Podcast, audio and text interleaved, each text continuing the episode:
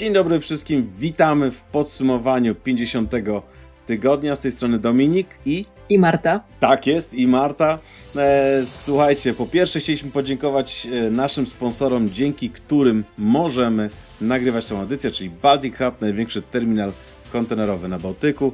Balticon, również największy operator depotowy mm, specjalizujący się w kontenerach chłodniczych. AC Porad, czyli agencja celna, która zawsze wszystko i wszędzie może i ogarnie. EQ Worldwide, czyli wiodący co-loader ładunków drobnicowych. No i ostatnim mały terminal przeładunkowy Off-Dock Gdańsk na zapleczu Baltic Hubu, usytuowany w porcie Gdańsk. Dziękujemy. Tak jest. No właśnie, Marta, przechodząc do indeksów, co my takiego dobrego mamy w tygodniu 50?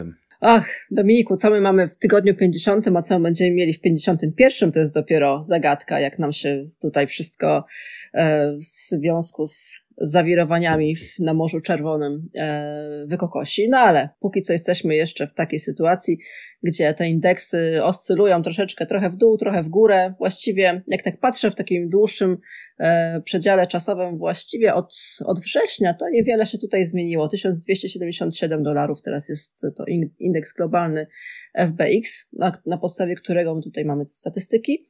Także nieznacząco, nie zna, naprawdę o pół procent w górę od zeszłego tygodnia. Co my tutaj więcej mamy? Jakieś delikatne wzrosty o 1-3%, spadki. Spadki mamy na, na tradzie transpacyficznym z Chin do e, Ameryki na zachodnie wybrzeże. To jest tutaj największy chyba spadek, e, a nie, największy spadek na tym tradzie, 2,6%, e, ale to nadal jest około 1000, 1500 dolarów, 1400 z Chin do Europy Północnej, Także tutaj się utrzymujemy w miarę, jeszcze w miarę na takim średnim poziomie, wyższym niż tysiąc, co, co mieliśmy we wrześniu, ale jednak jeszcze tak średnio. No, prorokuje się, przewiduje się, że te stawki mogą w najbliższym czasie, no trochę jednak się wzmocnić, wzrosnąć. No tak, niestety. no tak, ale y, jak rozumiem, w tej chwili nawiązujesz do tej e, ostatniej e, ostatniej sytuacji, którą e, możemy obserwować na bieżąco, niestety. E, mowa tutaj oczywiście o, o tym, co dzieje się w tej chwili e, niedaleko wybrzeży Jemenu, w Ciesinie, które ładnie nazywa się Bramą West, o ile dobrze pamiętam, prawda?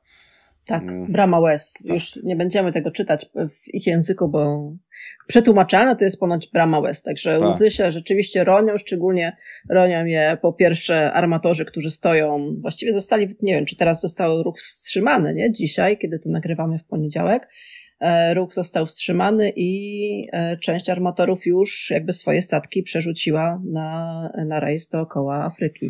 Także będzie dłużej i będzie drożej. Tak, no to co jest bardzo ciekawe, bo tak, e, dlaczego właściwie ta cieśnina, bo pewnie nie, nie wszyscy z Państwa mieli okazję e, zerknąć, ja przyznam szczerze, e, Bab al-Mandab, jak to się ładnie nazywa, i widzisz, doprowadziłem teraz pewnie parę osób do łez, śmiechu, jak przeczytałem.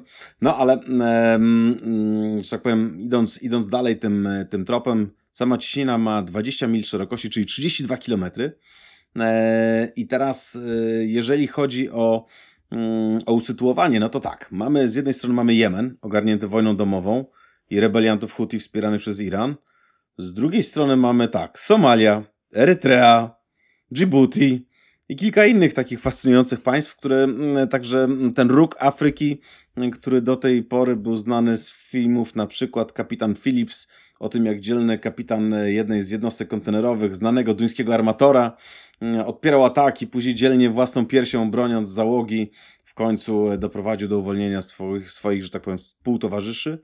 Mm, natomiast e, sytuacja e, jest dosyć, e, dosyć ciekawa, no bo to jest kawałek, że tak powiem, leżący niedaleko wybrzeży Jemenu. 20 km czy 30 km to jest na dobrą sprawę zasięg rakiety przeciw, przeciwokrętowej czy, czy drona. E, także nie jest to łatwa sytuacja do opanowania dla armatorek, no bo, arma, przepraszam, nie armatorek, marynarek chciałem powiedzieć, e, marynarek, e, które są tam, że tak powiem, obecne, no bo po drugiej stronie zatoki mamy Djibouti, czyli bazy wojskowe amerykańskie, chińska, włoska, japońska i o ile dobrze jeszcze pamiętam, francuska. Także mamy pięć różnych e, baz e, wojskowych, w których stacjonują na stałe i żołnierze, mm, e, e, powiedzmy tutaj, jakby to powiedzieć, armii lądowej, jak również i marynarek. No i na dobrą sprawę dalej dochodzi do ataków, nie? Kilkadziesiąt kilometrów dalej, mhm. więc sytuacja jest dosyć taka, powiedziałbym, niejasna, bo zastanawiałem się, dlaczego właściwie te okręty nie wypłyną z baz y, w Djibouti i nie będą eskortowały tych statków y, handlowych. Jak się okazuje, chyba teraz Amerykanie dojdą do tego, że będą eskortować statki płynące, czy najbardziej zagrożone, powiedzmy, w tym rejonie, prawda? Mhm. Tak, no e, to jest też news z dzisiaj, e, jakby z, sprzed godziny, o, którą, o której to nagrywamy, że rzeczywiście Amerykanie wzywają siły międzynarodowe do pomocy w tym, żeby jakby ten, e, ten kanał, tak, czy ten przesmyk jakoś ochronić przed, przed atakami zobaczymy, czy, czy jak oni to, jak oni ochronią, bo tak naprawdę jak, jak te ataki się zaczęły, zaczęło się od y, takiej, e, od czego? Od napaści na kontenerowce, które płynęły tak do Izraela i to był ten główny pretekst, że Jemen wspierał e, jakby działania e, przeciwko Izraelowi, czyli, e, czyli był za, e, za Palestyną, tak, za strefą gazy. Tak jest. I, I próbowali właśnie w tym, jakby tak argumentowali swoje, swoje działania i mówili, że najpierw właśnie statki, które są, chyba to się zaczęło w ogóle od Zima, tak, czyli od armatora. Od Zima i później od CMA, o ile dobrze pamiętam, nie? No właśnie. Od Zima dlatego, że był y, armatorem izraelskim, a od CMA dlatego chyba, że płynął do Izraela, czy tam się przeładowywał. Coś takiego tam, tam miało, miało miejsce. No a teraz to już właściwie już koszą po wszystkich, którzy tam przyjeżdżają, mówiąc, że nie jest powiedziane, że oni nie płyną do Izraela, tak więc jest. będą teraz atakować wszystkich. Więc armatorzy się powoli wycofują. No to to też, no tak jak, tak jak wcześniej mówiliśmy, to już będzie tutaj miało e, jakby dalsze swoje implikacje na to, że, e, że wydłużą się czasy, wydłużą się, e, wydłużą się te trady i też się wzrosną koszty, no bo jednak tą Afrykę opłynąć to będzie trzeba e, trochę więcej zatankować. Tak jest. No wiesz, to jest 10, to jest de facto około 10 tysięcy kilometrów plus minus, 10-12 dni żeglugi mhm. więcej. Jak sobie tak popatrzymy, to tak, statek kontenerowy tej klasy, powiedzmy 20-24 tysiące TIU pojemności 400 metrów długi, e, konsumuje w zależności od, e, od prędkości no, od 80 nawet do 150-200 ton paliwa dziennie, czyli mamy powiedzmy 100 ton paliwa dziennie, tona paliwa według notowań, które mamy zresztą też na dzisiaj, to jest od 430, prawda, o 430 dolarów za tonę, mówimy tutaj o cenie w Rotterdamie ciężkiego paliwa do nawet do 700, e, mówimy tutaj o dieslu, oczywiście na tych dystansach te statki pływają na ciężkim paliwie, czyli powiedzmy, że około 500 dolarów, dziennie 50 tysięcy, słuchaj, dolarów tylko, tylko de facto na paliwo, plus charter statku, e, plus trzeba płacić załogę, Także pewnie kolejne drugie tyle mm, wychodzi, czyli mamy 100 tysięcy ekstra. Przez 10-12 dni to mamy milion, milion dwieście tysięcy dolarów tylko dlatego, że muszą przepłynąć. Koszt kanału, jakbyśmy od tego mieli odjąć, to de facto mamy e, od 400 do 700 tysięcy dolarów, bo tyle się płaci za przepłynięcie kanałem. No to i tak, e, że tak powiem, koszty wzrosną dosyć mocno, a co najgorsze, będzie mniej, będzie mniej statków, no bo nagle trzeba tą lukę załatać, nie? Skoro musimy mieć cotygodniowe zawinięcia, to nagle okazuje się, że trzeba znaleźć dodatkowo ileś statków do każdej rotacji mm, w każdym serwisie, jeżeli ta sytuacja miałaby się utrzymać. A tutaj nie jestem taki przekonany, czy wiesz, czy, czy faktycznie będziemy miesiącami patrzeć i mówić w ETA FM o tym, że no i znowu nie udało się powstrzymać dronów, w związku -hmm. z czym armatorzy dalej utrzymują, że tak powiem, pływanie wokół, no, wokół myślę, Afryki. Że, że nie, że to jest taki, taka trasa, że ona zostanie w miarę chyba uspokojona. Aczkolwiek już, już teraz widać, no głównie po LinkedInie i po, po takich głównych portalach branżowych, że są różne głosy, które, e, które już, już wskazują, jakimi innymi drogami można się dostać z, z Dalekiego Wschodu, na przykład do Europy. I nie wiem, czy widziałeś już takie publikacje, że raz ta droga droga dookoła Afryki, ale już tam ktoś pokazywał dzisiaj, że no przecież jest droga północna, nie? Czyli można tam od, e, od tak, góry, nie. od góry oczywiście i tam już zacieramy ręce. No a z drugiej strony pamiętacie, jak mieliśmy sytuację w kanale Suezkim, jak kanał się zablokował, a zresztą ostatnio też prawie, prawie też takie coś tutaj mieliśmy, taki incydent z, z Łanem, z Łanem, który miał jakąś awarię, tak, czy w jakiś most, most pływający wjechał, no, zagrożenie tam, było, ale zostało szybko, zostało szybko usunięte, bo to akurat było na tej, na tym odcinku, gdzie jest z dwóch ruch jakby w dwie strony, więc tam można było łatwo go ominąć. W każdym razie, no, cały czas jesteśmy tutaj w tym, w tym przesmyku e, pomiędzy, pomiędzy Azją a Europą i cały czas coś się tutaj dzieje, no ale pamiętacie, jak był, e, jak był właśnie kanał Suezki zablokowany w, e, przez Evergreena, no to wtedy ruszyły transporty kolejowe i ciekawe, czy teraz, bo też już się, też już widziałam dzisiaj, mhm. że już tam się pojawiają jaskółki, dobrze, dobrze, tutaj wycofujemy statki, statki dookoła Afryki, ale Sponsorowane przez przewoźników kontenerowych, e, intermodalnych. tak, ale mamy przecież połączenie kolejowe, nie? Także Wiesz możemy co? się spodziewać hmm. jeszcze, jeszcze jakby w jak, jakiejś części może e, m, przerzucenia na kolej, chociaż no nie wiem, zobaczymy, zobaczymy. Nie wiem, co na to Miłosz, czy on już to no widzi. To czy on widzi ruch. To jest bardzo ciekawe. Wiesz co, myślę, że, myślę, że y, inercja tych systemów y, logistycznych naszych łańcuchów dostaw jest tak duża, że e, zobacz, jak był Evergreen, e, stanął, Evergiven, przepraszam, stanął e, w kanale sueskim, blokując ruch przez 6 albo 7 dni, to tylko mała część armatorów zdecydowała o tym, żeby płynąć dookoła Afryki, nie? Mimo, że to było 6-7 mhm. dni i było wiadomo, że nic tam nie przepłynie, że wszyscy się udzieli, no dobra, ściągną go. Widzieliśmy takie fajne memy, nie? Tam powiedzmy z, z pracownikami, powiedzmy z koparkami, którzy tam wyciągają tego Ever, Ever wiesz, Evergreena z z kanału i że to będą milionerzy egipscy w przyszłości. E, nie wiem, mam nadzieję i tak pozdrawiam tutaj, może, może wiesz, może ci, może będą się chcieli kiedyś wypowiedzieć na antenie. E, natomiast to potrwało. Teraz tak, jeżeli Amerykanie uruchomią, czy powiedzmy inne nacje też uruchomią te konwoje, to pytanie jakby, czy to ryzyko będzie faktycznie zminimalizowane, no bo powiedzmy przechwycić jakiegoś takiego drona, który tam pyrka i leci z prędkością 100 km na godzinę, to powiedzmy jest jeszcze pół biedy, nie? Ale jeżeli będą rakiety przeciwokrętowe, no to pewnie któraś jednak trafi. I pytanie, czy armatorzy są gotowi na to, żeby stwierdzić, e, no dobra, no jeden na dziesięć, no tam, ej tam, ej tam, nie? Czy będą się narażać załogi, statki, ładunek oczywiście na to, no, to czas pokaże. Na razie to dali chyba dodatek, nie? O ile dobrze pamiętam. Ehm, dla, na niektórych, w niektórych regionach świata, jeżeli są prowadzone działania wojenne niedaleko, to nagle się pojawia dodatek za ryzyko.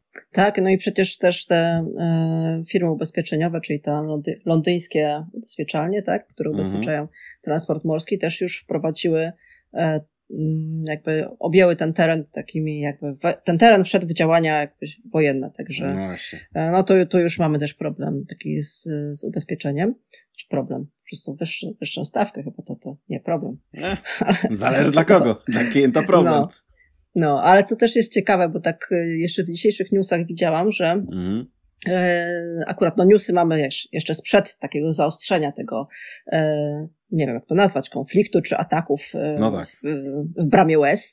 E, no ale sprzed tych, e, sprzed tych informacji mamy jeszcze takiego newsa, że The Alliance postanowił puszczać właśnie statki przez kanał Suezki e, do Ameryki e, zamiast przez kanał Panamski, bo kanał Panamski wysycha. No tak. i tam są, i tam są ograniczone już, e, ograniczone sloty, tak, ograniczona jest ilość statków, które mogą w ciągu doby przepłynąć przez, przez kanał Panamski, dlatego The Alliance stwierdził, że przekieruje wszystkie swoje usługi Azja na, na wschodnie wybrzeże Stanów przez Suez w rejsach takich na, na zachód do Ameryki, także no, no cóż, to akurat się zgrało z takim, no niefortunnym chyba, e, no niefor, niefortunny zbieg okoliczności, że akurat oni się przekierowali, a, Niefortunny, a tutaj, no. a tutaj niestety korek. Ale widzisz, ale znowu jakby patrząc z perspektywy, jak zachowali się armatorzy. Mamy Merska, który wydał oświadczenie pierwszy, później był Hapag Lloyd, którego jednostka została zaatakowana w weekend, prawda, i stanęła w płomieniach niestety. E, z tego co wiemy, nikomu się nic nie stało, natomiast sam statek stoi w płomieniach, część statku oczywiście. E, później Mersk akurat tego, tego losu niknął, to był Mersk Gibraltar bodajże. E, mieliśmy kilka jeszcze innych jednostek zaatakowanych i teraz tak, Mersk, MSC, Hapak twierdzą, że faktycznie dopóki żegluga nie będzie przywrócona, e, że tak powiem, spokojna na tym terenie, to będą pływali dookoła Afryki. WCL wydał znowu inne oświadczenie, w którym mówi, że nie, nie, my wcale do portów izraelskich nie pływamy. E, z trzeciej strony mamy statek Costco, Costco Shipping Galaxy, notabene statek, który chyba był już w Gdańsku, teraz płynął akurat w drugą stronę, który też, no, właśnie nie wiadomo, wejdzie, nie wejdzie, akurat też się nad tym zastanawiałem ostatnio, czyli armatorzy też różnie do tego podchodzą. Większość wzywa do, do właśnie do pomocy marynarek wojennych, e, tak żeby ten szlak ustabilizować, e, bo przez kanał Suezki przychodzi kilkanaście procent bodajże handlu światowego, o ile dobrze pamiętam, plus jeszcze e, tankowce przychodzą, no bo tak, wyobraźmy sobie, że ta ciśnienia jest zamknięta, to de facto ropa naftowa i gaz z całego regionu e, właściwie Bliskiego Wschodu nie popłynie dalej, nie? Mhm. A to oznacza, że powiedzmy ropa naftowa i gaz z innych regionów będzie dużo bardziej atrakcyjna, no skoro tam nie będzie można pływać. Oby do tego nie doszło.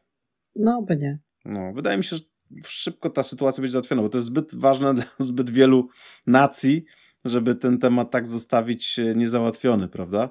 Raczej tak. A to jest na tyle, e, na tyle świeże, że tak jak rozmawialiśmy wcześniej, jeszcze jakby komentarzy nie ma, są, są tylko fakty podawane, daj Boże mhm. fakty, e, a, a nie opinie.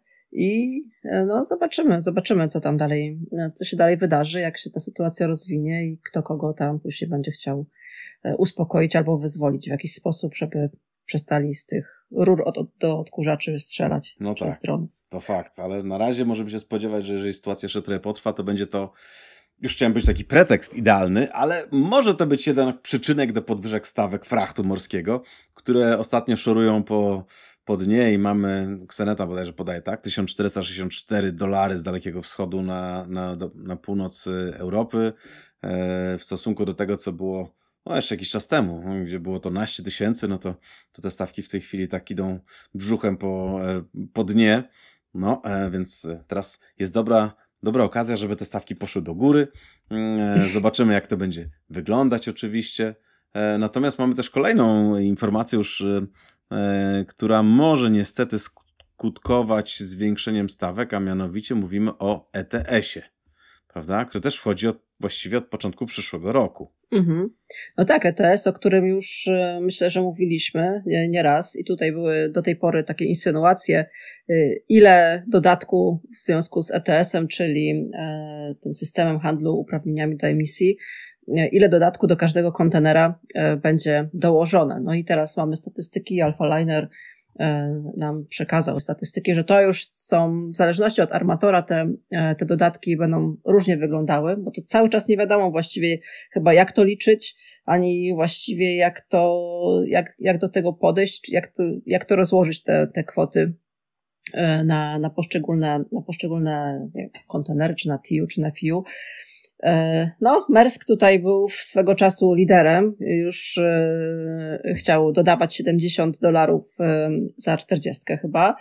Teraz zeszli do niższych poziomów i teraz z tego, z tego co widzimy, w zależności też od różnych trade'ów, czy z Azji do Europy, czy z Azji no Morze Śródziemne, czy, czy w takich trade'ach intraeuropejskich, różnie się te dodatki plasują. Od 20 dolarów, czy nawet od 11 z Azji do, do Morza Śródziemnego, do 42 na takim najwyższym, najwyższa stawka to jest właśnie Europa i Północna Ameryka. Właściwie Europa, Północna Ameryka to są takie najwyższe faktycznie stawki, przynajmniej podawane przez, przez MSC Merska CMA i Costco. Na Costco tutaj w tym i na tym tradzie i właściwie na, na wszystkich już przoduje w wielkości, wielkości tych dodatków. Także będzie naj, na jakby najwyższe te stawki e, za, za handel emisjami dodawało do, do, do, do TIU chyba, nie? Bo to się tak... Tak, do TIU. No tak. I teraz y, to jest, to jest, wiesz, ciekawe, to tak, teraz mówimy o ETS-ie, który waży tam, tak jak mówisz, y, no, powiedzmy na TIU od 20 do 40 dolarów, czy tam euro, no, że tak powiem, licząc tak bardzo, bardzo skromnie, czyli za 40 powiedzmy w najgorszym wypadku zapłacimy tam 80 parę euro więcej e, z uwagi na ETS, gdzie jeszcze powiedzmy w zeszłym roku czy dwa lata temu e, klienci mogliby się uśmiechnąć, nie? Mając stawki po naście tysięcy albo nawet po, nie wiem, 5, 8, 10 tysięcy dolarów, to te 80 euro to by takie było na zasadzie opłata dokumentacyjna za przedstawienie pieczątki, nie? A w tej chwili, jak te stawki są dużo mniejsze, to nagle się okazuje, że to stanowi, no powiedzmy, jakiś tam na przykład 5-8% kosztów frachtu morskiego, co już zaczyna być takie, że tak powiem, no tak, tak trochę to kosztuje, nie? I szczególnie tak jak mówisz, że de facto nie wiadomo do końca, w jaki sposób armatorzy wyliczają jakby ten ETS, no bo co, mhm. chodzi o to, że flota jest nowsza, czy o spalanie, czy o emisję? No tak, ale są tacy, którzy mają najnowsze statki, a mimo wszystko ETS wcale nie jest najniższy. Więc mhm. tak do końca no? chyba nie wiadomo. No a właśnie też oni e, podawali, że, e, że armatorzy, którzy będą pływali na tych paliwach zeroemisyjnych, no to oni tego dodatku za te statki nie będą płacili, nie? No ale czy to się przełoży później na to, że, że kontenery, które akurat na tych statkach będą pływały, no nie będą płaciły tego dodatku? No. Zobaczymy, kto kogo będzie rozliczał. No tak, no widzisz, no tutaj akurat mamy Azja, Azja Północna Europa, mamy od 20 do 28 euro za TIU średnio. Zobaczymy, czy tak faktycznie będzie i czy wszyscy armatorzy będą to naliczać, bo e, bardzo często były sytuacje, w których e, pojawiały się bardzo duże ilości różnych dodatków, prawda? Mm, e, mhm. Armatorzy na przykład są bardzo dobrzy, jeżeli chodzi o znajdowanie wszelkiego rodzaju nowych takich skrótów, to się ładnie nazywa z angielskiego akronimów, nie? BAF, mhm. CAF, cokolwiek innego i później klient dostaje fakturę i patrzy, fracht morski, tysiąc dolarów, faktura dwa i pół tysiąca. Co? A tutaj dochodzi baw, kaw, coś tam jeszcze, coś tam jeszcze, coś tam jeszcze. Trrr, pach, 2,5 tysiąca, nie? E, także mm, tutaj bym się nie zdziwił, gdyby e, albo e, część z tych, e, część z tych e, powiedzmy dopłat albo została zniesiona dla na przykład dla bardzo dobrego klienta, e, co oczywiście jest normalną rzeczą, albo no właśnie ciekawe jak to będzie rozliczane, czy to będzie utrzymane dla każdego klienta niezależnie od jego statusu i wolumenu, który robi, czy po prostu będzie to bardziej uznaniowe, tak jak bardzo często do tej pory, no, że część powiedzmy rzeczy wchodzi w kontrakty i niektórych rzeczy no, albo są stałe buffy, albo takie, albo inne, albo kaw, e, no co tam będziemy liczyć. Także to też mnie ciekawi, jak, jakie będzie podejście do tego, ale zdaje się, że w życiu są pewne tylko co? Śmierć i podatki, nie? No w sumie to jest podatek no, od CO2, także... No właśnie, no właśnie, jakbyśmy to zakwalifikowali do podatku, no to cóż, no to jest pewne. Pewne, że będziesz miał któryś skrót na fakturze. No tak, no ale cóż, tak powiem, nie mamy cię dobrych wiadomości dla naszych słuchaczy, szczególnie jeżeli są e, tymi po stronie kupującej e, usługi fraktu morskiego, bo tak, z jednej strony mamy niepewność, dużą niepewność, jeżeli chodzi o, no, um, o e, serwisy, które przychodzą przez kanał Suezki, z drugiej strony mamy ETS. No tak, to słuchaj, to może jakieś pozytywniejsze informacje, coś znajdziemy takiego. Mamy coś pozytywnego? No właśnie tak się zastanawiałem, bo chciałem powiedzieć, że zaczyna brakować wody w kanale panamskim, ale ale to chyba też nie jest pozytywna wiadomość niestety. Jakoś dzisiaj nie no mamy, no, nie. mamy tego szczęścia, bo e, co się okazuje, bodajże w kanale panamskim, tak jak, tak jak już powiedziałaś zresztą, e, jest ograniczona ilość jednostek pełnomorskich dużych statków, które mogą, e, mogą korzystać z tego kanału i pojawiają się obostrzenia, które w czasie zmniejszają wręcz ilość przejść, prawda? Statków mhm. przez kanał panamski. Tak, to jest zmniejszone teraz będą jakby dla statków Neopanamaxów z 8 do 5 dziennie, także takich e, e, śluzowań, mhm. ale nie wiem, czy to jest dla, dla jednego statku, czy to po prostu jakby tam wchodzi jakaś, jakaś, wiesz, jakieś po prostu, mhm. to jest taki slot, że, e, że tam większa ilość może się tam w jakiś sposób przeprawić. No tak, no, wody nie przybywa, a że, e, a że kanał panamski jest zasilany e, jakby naturalnie, e, uzupełniany z, z deszczu w, w jeziorze Gatun i, i z tych okolicznych obszarów, no to tego, tej wody nie przybywa i no jakby tutaj trzeba sobie racjonalnie dawkować te, te zasoby, dlatego starają się właśnie ograniczyć, ograniczyć śluzowania, więc no cóż, dlatego też armatorzy czy alianse zmieniają swoje, e, swoje trasy i, i tak, żeby właśnie ominąć ten kanał panamski. No a tutaj e, niespodzianka też i z drugiej strony e, świata. Tak jest, ale widzisz, to jest, to, to jest ciekawe, to mówimy, zawsze skupiamy się na tym, jak armatorzy będą musieli dołożyć, że tak powiem, trochę grosza do tego, żeby przepłynąć dookoła i oczywiście to jest, to jest absolutnie znaczące, ale yy, akurat jeżeli chodzi o kanał panamski, o kanał sueski, to one przechodzą przez kraje, które nie są w czołówce najlepiej, że tak powiem, sytuowanych, prawda? Jeżeli mówimy o PKB per capita na przykład, no bo e, Panama główne pieniądze czerpie właśnie z kanału.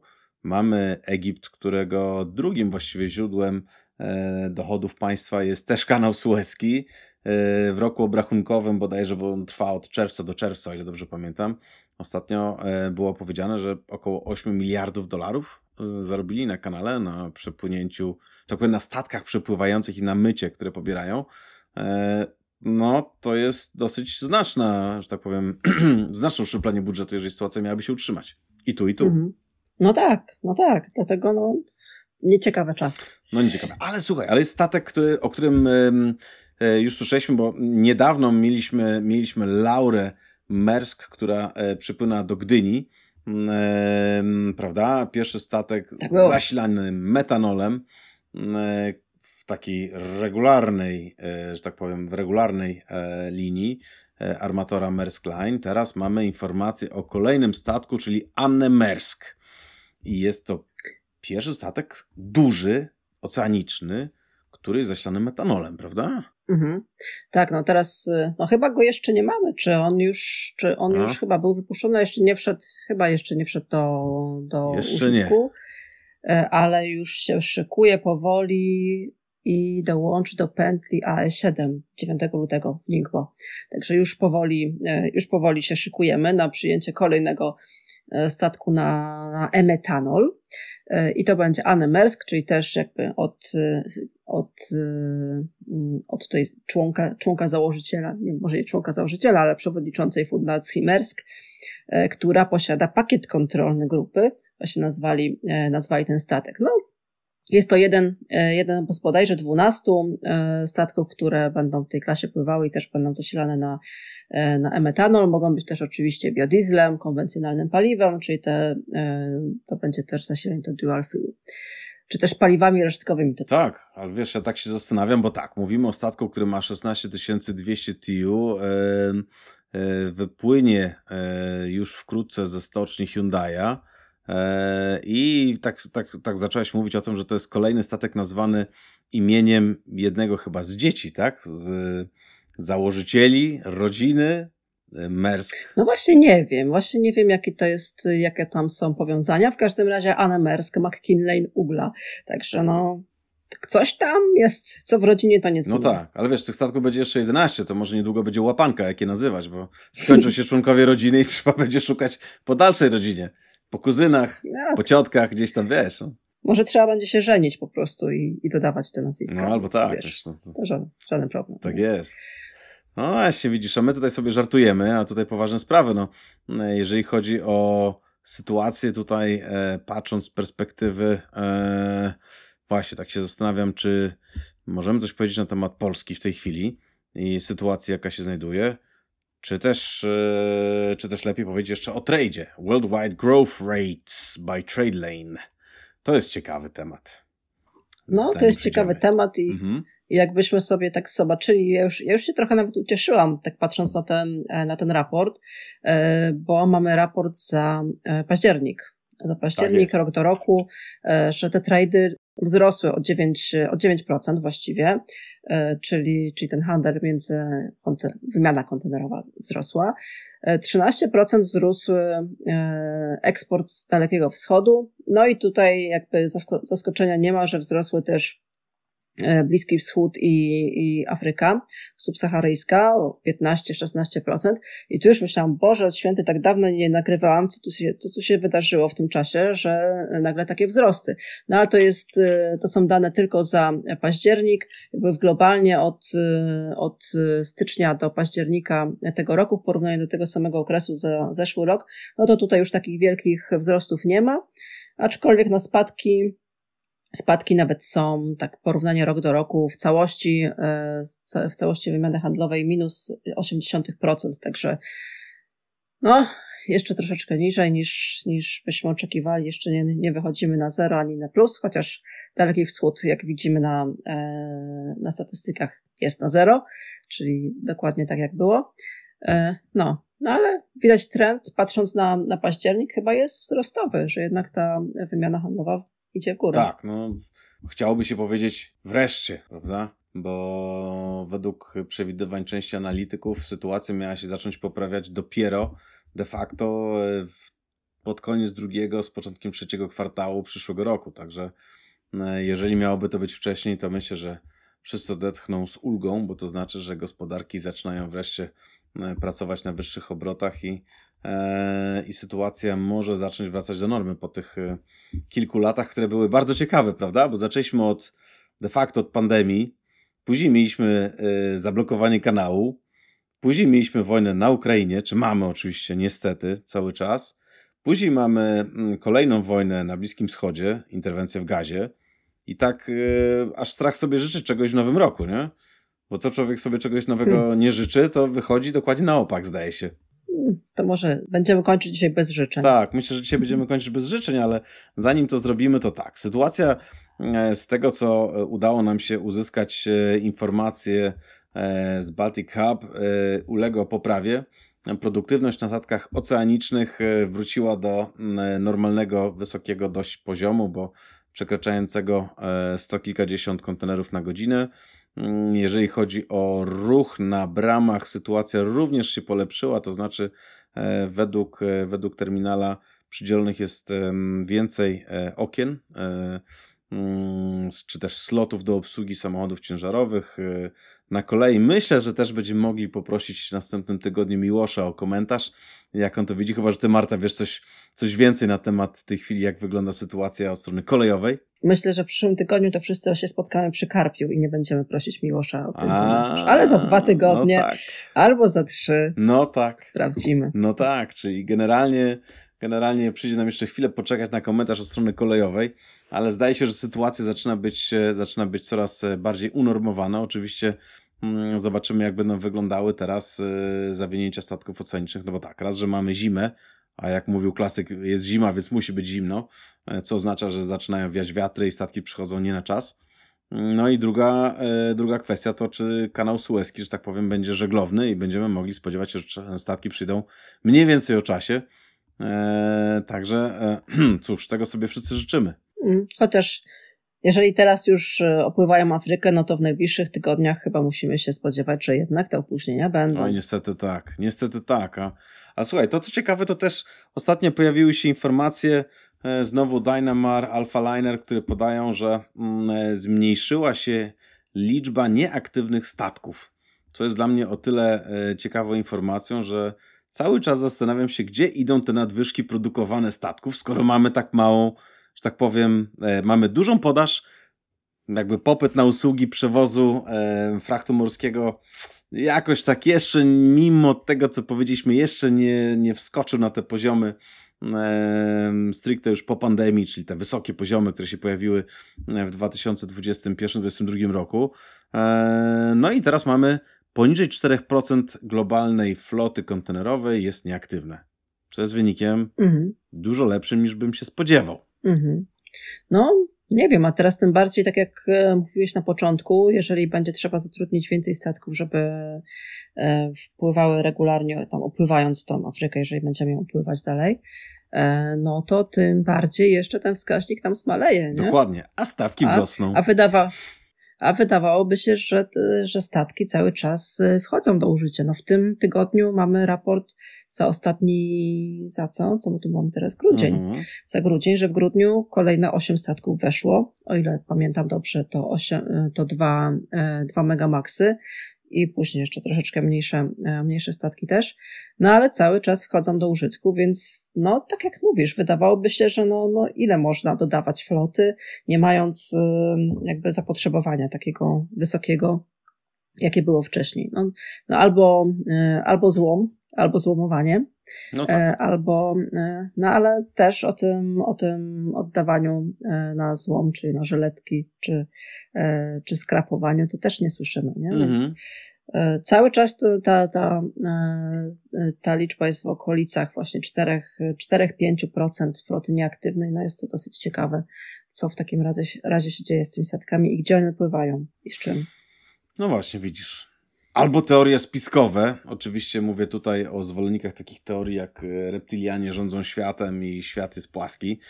to pewnie armatorzy wypuścili najpierw dużo statków, żeby później zablokować kanały, zmniejszyć poziom wody e, w kanale panamskim i wtedy popyt na te jednostki, które wychodzą jest dużo większy.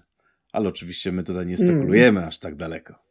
No nie, to już byśmy się zagalopowali naprawdę. Tak, tak, tak. Ale można by, można by, można by coś uszyć z tego. Można by, nie? Ale tak wiesz, tak trzeba trochę zostawić e, naszych słuchaczy, szanownych państwa, z taką lekką dozą optymizmu i humoru, bo zaczęliśmy tak z grubej rury, że tutaj jest, e, wiesz, tutaj zablokowane, tutaj ataki, e, wiesz, terrorystów, tutaj ETS, ale... Jak żyć? Właśnie.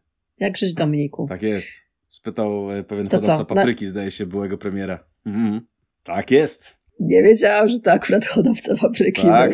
Naprawdę czegoś się można dowiedzieć Prawda? ETFM. Koniec świata. Poniedziałkowe popołudnie. To co? Na koniec MSC i, i Hala się co, połączyły. E, jeszcze nie.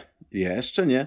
Jeszcze, jeszcze nie? nie. Jeszcze z, Tego, co, z tego, co e, wiemy, ten proces e, idzie faktycznie, tak jak wspomniałeś, w stronę połączenia, to znaczy e, zakupu 49 9% udziałów e, w HHLA przez e, MSC. Natomiast e, jak, jak się okazuje, tam jeszcze jest trochę, trochę zgód, które są potrzebne. Natomiast proces idzie, że tak powiem, w sposób niezakłócony. Zakup, zakup udziałów od od y, y, y, właścicieli tych, tych akcji prywatnych, czy skup tych akcji następuje zgodnie z planem, więc najprawdopodobniej w przyszłym roku e, stanie się faktem to, że MSC obejmie 49,9% w HHLA, czyli firmie z długą tradycją mhm. wywodzącą się z Hamburga, będącą operatorem i terminali w Hamburgu i poza Hamburgiem. Także Cóż, będziemy Państwa informować pewnie na bieżąco. Pewnie tak. Jawohl. Tymczasem nie składamy życzeń. Nie składamy życzeń. Tak. Um, ale, że tak powiem, e, myślę, że w myślach możemy pomyśleć o tym, żebyśmy wszyscy spędzili te święta z rodzinami, radośnie, wesoło, odpoczęli trochę. Mm, no i oby te wszystkie newsy, które do nas spływają, były dużo lepsze niż te, które mamy dzisiaj. To jednak tego życzymy. To jednak tak. Dziękuję Ci, Dominiku. Dziękuję bardzo. Słuchaj, wszystkiego najlepszego i do usłyszenia. Do usłyszenia.